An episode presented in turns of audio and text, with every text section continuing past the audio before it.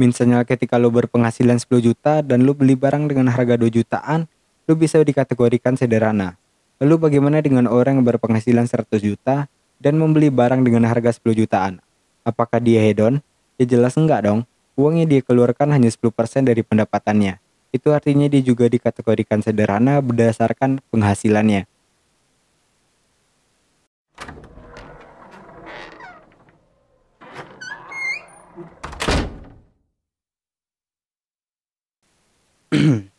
Opening yang bagus gimana nih?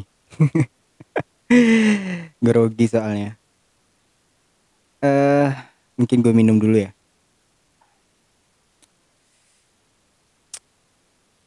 Oke, selamat datang buat kalian semua. Uh, hai, gue Dimas. Selamat datang kembali di Overthinking Podcast.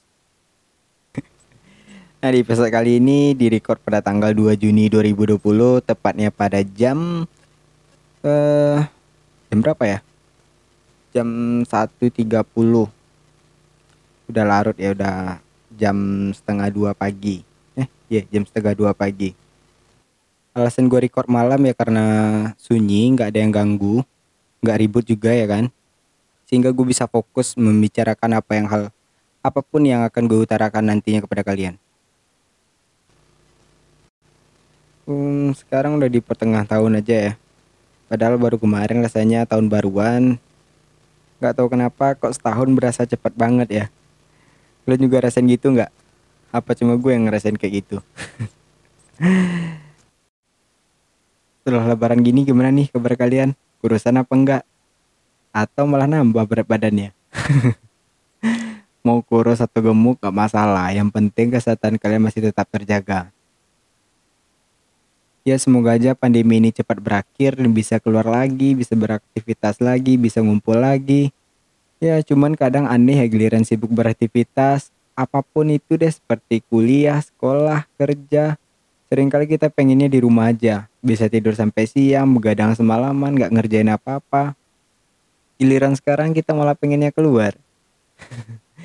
ya seharusnya kita menikmati kondisi apa pun yang ada, termasuk lagi pandemi kali ini kalian seharusnya juga bisa menikmati. Ya, anggap aja lagi istirahat dari rutinitas kalian. Kalian bisa mencari hal-hal yang bisa menghibur kalian dan mungkin membuka syaraf-syaraf kreatif kalian. Mungkin yang hobi nyanyi kalian bisa karaokean untuk seharian, yang hobi ngegame kalian juga bisa ngegame seharian. Apa pun itu deh yang kalian sukai tapi tetap di dalam rumah. Nah di episode kali ini gue sedikit membahas tentang apa itu kesederhanaan. Nah sebelum masuk ke topik yang lebih dalam, gue mungkin sedikit menceritakan kenapa kesadaran begitu lekat di hidup gue. Dan bahkan udah menjadi pilihan gaya hidup gue. Jadi gue dilahirkan dari keluarga yang pas-pasan yang lebih cenderung miskin. gak, gak, gak bercanda pas-pasan lah. Dan kedua orang tua gue mendidik sedari kecil itu dengan gaya hidup yang sederhana. Dengan alasan yang sederhana juga sebenarnya hanya karena orang tua gue nggak pengen gue jadi manusia yang hidup berfoya-foya atau hedon lah maksudnya. Karena dia mikir gaya hidup seperti itu yang nantinya bikin kalau kita jadi manja, bergantung sama orang tua dan nggak mandiri. Karena mau sampai kapan hidup sama orang tua, satu saat pun kalian bakal hidup sendiri dan harus mandiri. Oke lah kalau nantinya kalian bisa hidup enak, yang repotnya karena dididik manja sejak kecil, kalian jadi nggak bisa beramai dengan hidup kalian. Karena dari kecil udah biasa disuap mulu, jadinya pas gede kaget. Karena real life itu kejam bro. Gak semua yang kalian inginkan bisa instan didapatkan. Butuh proses untuk mendapatkannya. Kalau nggak sabaran, kalian bisa kehilangan kesempatan. Banyak di antara kita jenuh dan menyerah. Padahal tinggal beberapa langkah. Banyak di antara kita yang pengen enaknya aja tapi nggak tahu capeknya. Banyak yang menginginkan kehidupan orang lain padahal nggak tahu untuk mencapai itu. Banyak pengorbanan yang dialami. Intinya kalian hanya perlu tetap melangkah. Langkah kecil sekalipun, bukankah itu lebih baik dari tidak sama sekali? Tapi ribet tim, capek, banyak masalahnya. Loh nggak apa-apa, berangkat sekalipun udah jalani aja.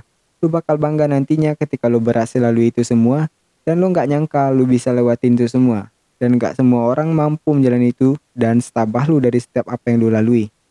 Ketika lu hampir nyerah, yang perlu lu ingat adalah seberapa jauh lu udah melangkah. Nanggung rasanya ketika lu berpikir untuk menyerah.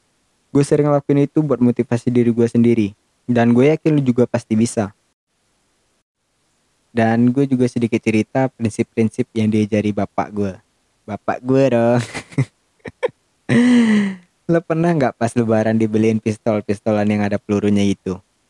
Pasti yang cowok-cowok yang lebih ngerti kalau gue bahas ini. Tapi bukan itu poinnya. Selama gue hidup, orang tuh gue beliin pistol-pistol hal semacam itu hanya dua kali. Semua uang THR yang gue dapatkan ditabung. Dan setiap uang jajannya orang tua gue berikan selalu dipangkas. Gue yang pada waktu itu bilang orang tua gue pelit.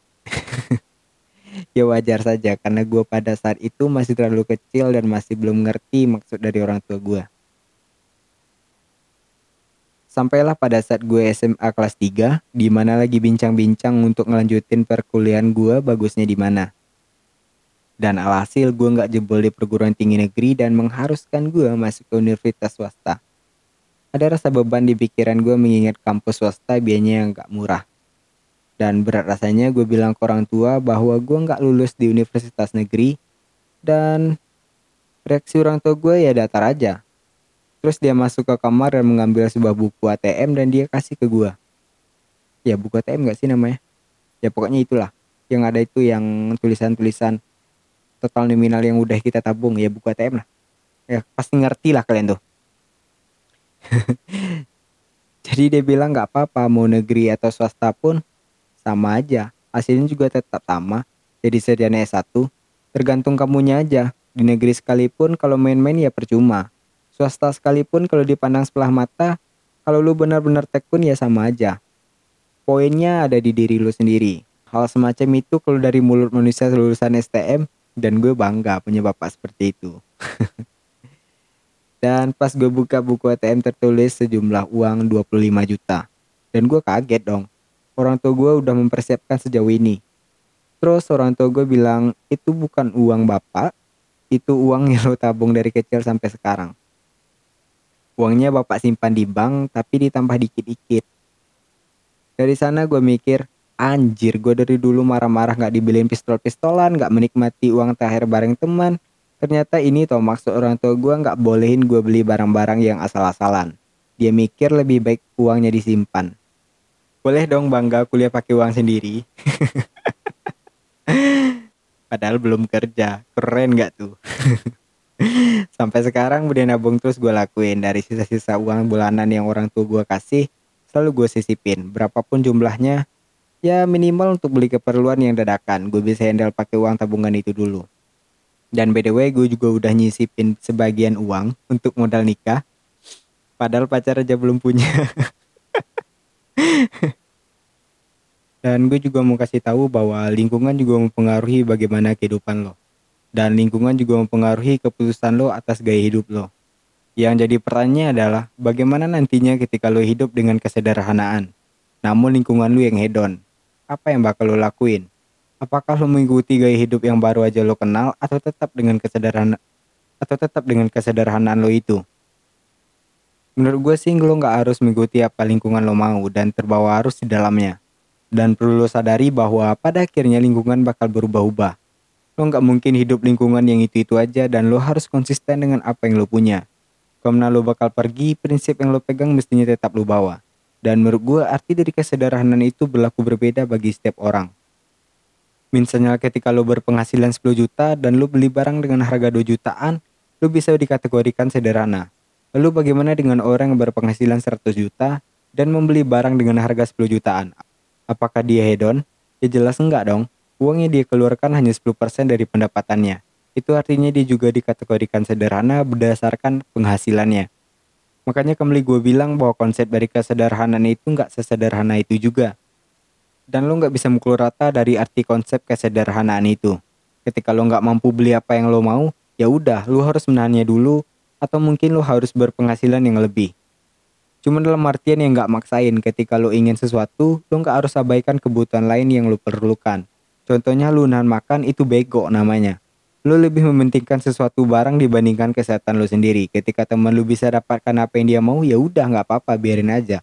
Lu nggak harus iri terhadap hidupnya, karena logikanya seperti ini. Ketika lu melihat kebahagiaan orang lain dan lu merasa nggak puas atas apa yang lu punya, di suatu sisi ada orang lain yang menginginkan apa yang lu punya. Siklusnya bakal seperti itu terus dan suatu saat ketika lu udah mampu menjadi seperti teman lu, lu bakal menginginkan kehidupan orang lain yang lebih dari lu karena lu berpikir standar kebahagiaan lu adalah uang dan mengejar hal tersebut bagaimanapun caranya. Alhasil lu nggak menikmati hidup lo sendiri dan lu nggak menikmati proses dari apa pun yang lo jalani. Kapan lagi waktunya lu bisa menikmati hidup? Bahkan ketika lu kayak sekalipun, lu udah tua dan gak mungkin lagi mengkonsumsi makanan yang enak-enak ketika lu masih muda. Karena kolesterol lah, gula lah, dan mungkin penyakit berbahaya lainnya. Emang lu mau hidup seperti itu? Ketika lu berprinsip sederhana, lu mungkin hidup dengan apa yang lu butuh dan menikmati dari apa yang lu punya. Lo nggak terlalu mengejar apa itu uang meskipun uang memang lo butuhin. Karena yang lu bukan itu dan prioritas lu bukan itu juga. Lu cenderung menikmati atas apa pun yang lu punya. Lu beli apa pun atas dasar lu butuh bukan berdasarkan apa yang lu inginkan. Yang sedih lagi di antara kesederhanaan aneh hedon adalah gengsian. Aduh, sedih aja rasanya kalau ngeliat orang yang gengsian. Emangnya kenapa dengan hidup lo? Kadang suka aneh sendiri gue lihat orang yang dikit-dikit gengsian, pengen dicap baik padahal maksain. Apa nggak capek? Apakah takut nggak diakui banyak orang? Sedih aja sih lihat orang yang nggak pede dengan dirinya sendiri, padahal jadi diri sendiri adalah filter buat lingkungan kita sendiri. Kalau nggak ada yang temenan ya udah. Berarti lu berada di circle yang nggak cocok buat lo. Udah itu aja, ntar juga ketemu sendiri sama orang yang klop temenan sama lo yang nggak nilai lu dari segi mana pun. Gue juga kalau temenan sama orang nggak juga lihat dari sisi mana pun, lu baik lu asik udah lu teman gua. Gak harus lu punya ini itu. Gue gak butuh hal yang begituan. Jadi buat lo yang sekarang mungkin ada yang suka gengsian Gak bisa jadi diri sendiri Udah terima diri lu dulu. Damai sama diri lu dulu. Seiring waktu lu bakal nemu circle yang cocok sama diri lu. Gak usah mikir ini itu udah hidupi aja. Ada yang mau temenan sama lu syukur. Kalau gak ada ya udah. Lu bisa nyenengin diri lu dengan banyak hal. Ntar deh di episode selanjutnya gue bakal bahas tentang kesendirian. Bocor nih topik pembahasan gue di episode ke depannya. Tapi nggak apa-apa deh. Demi lo gue lakuin.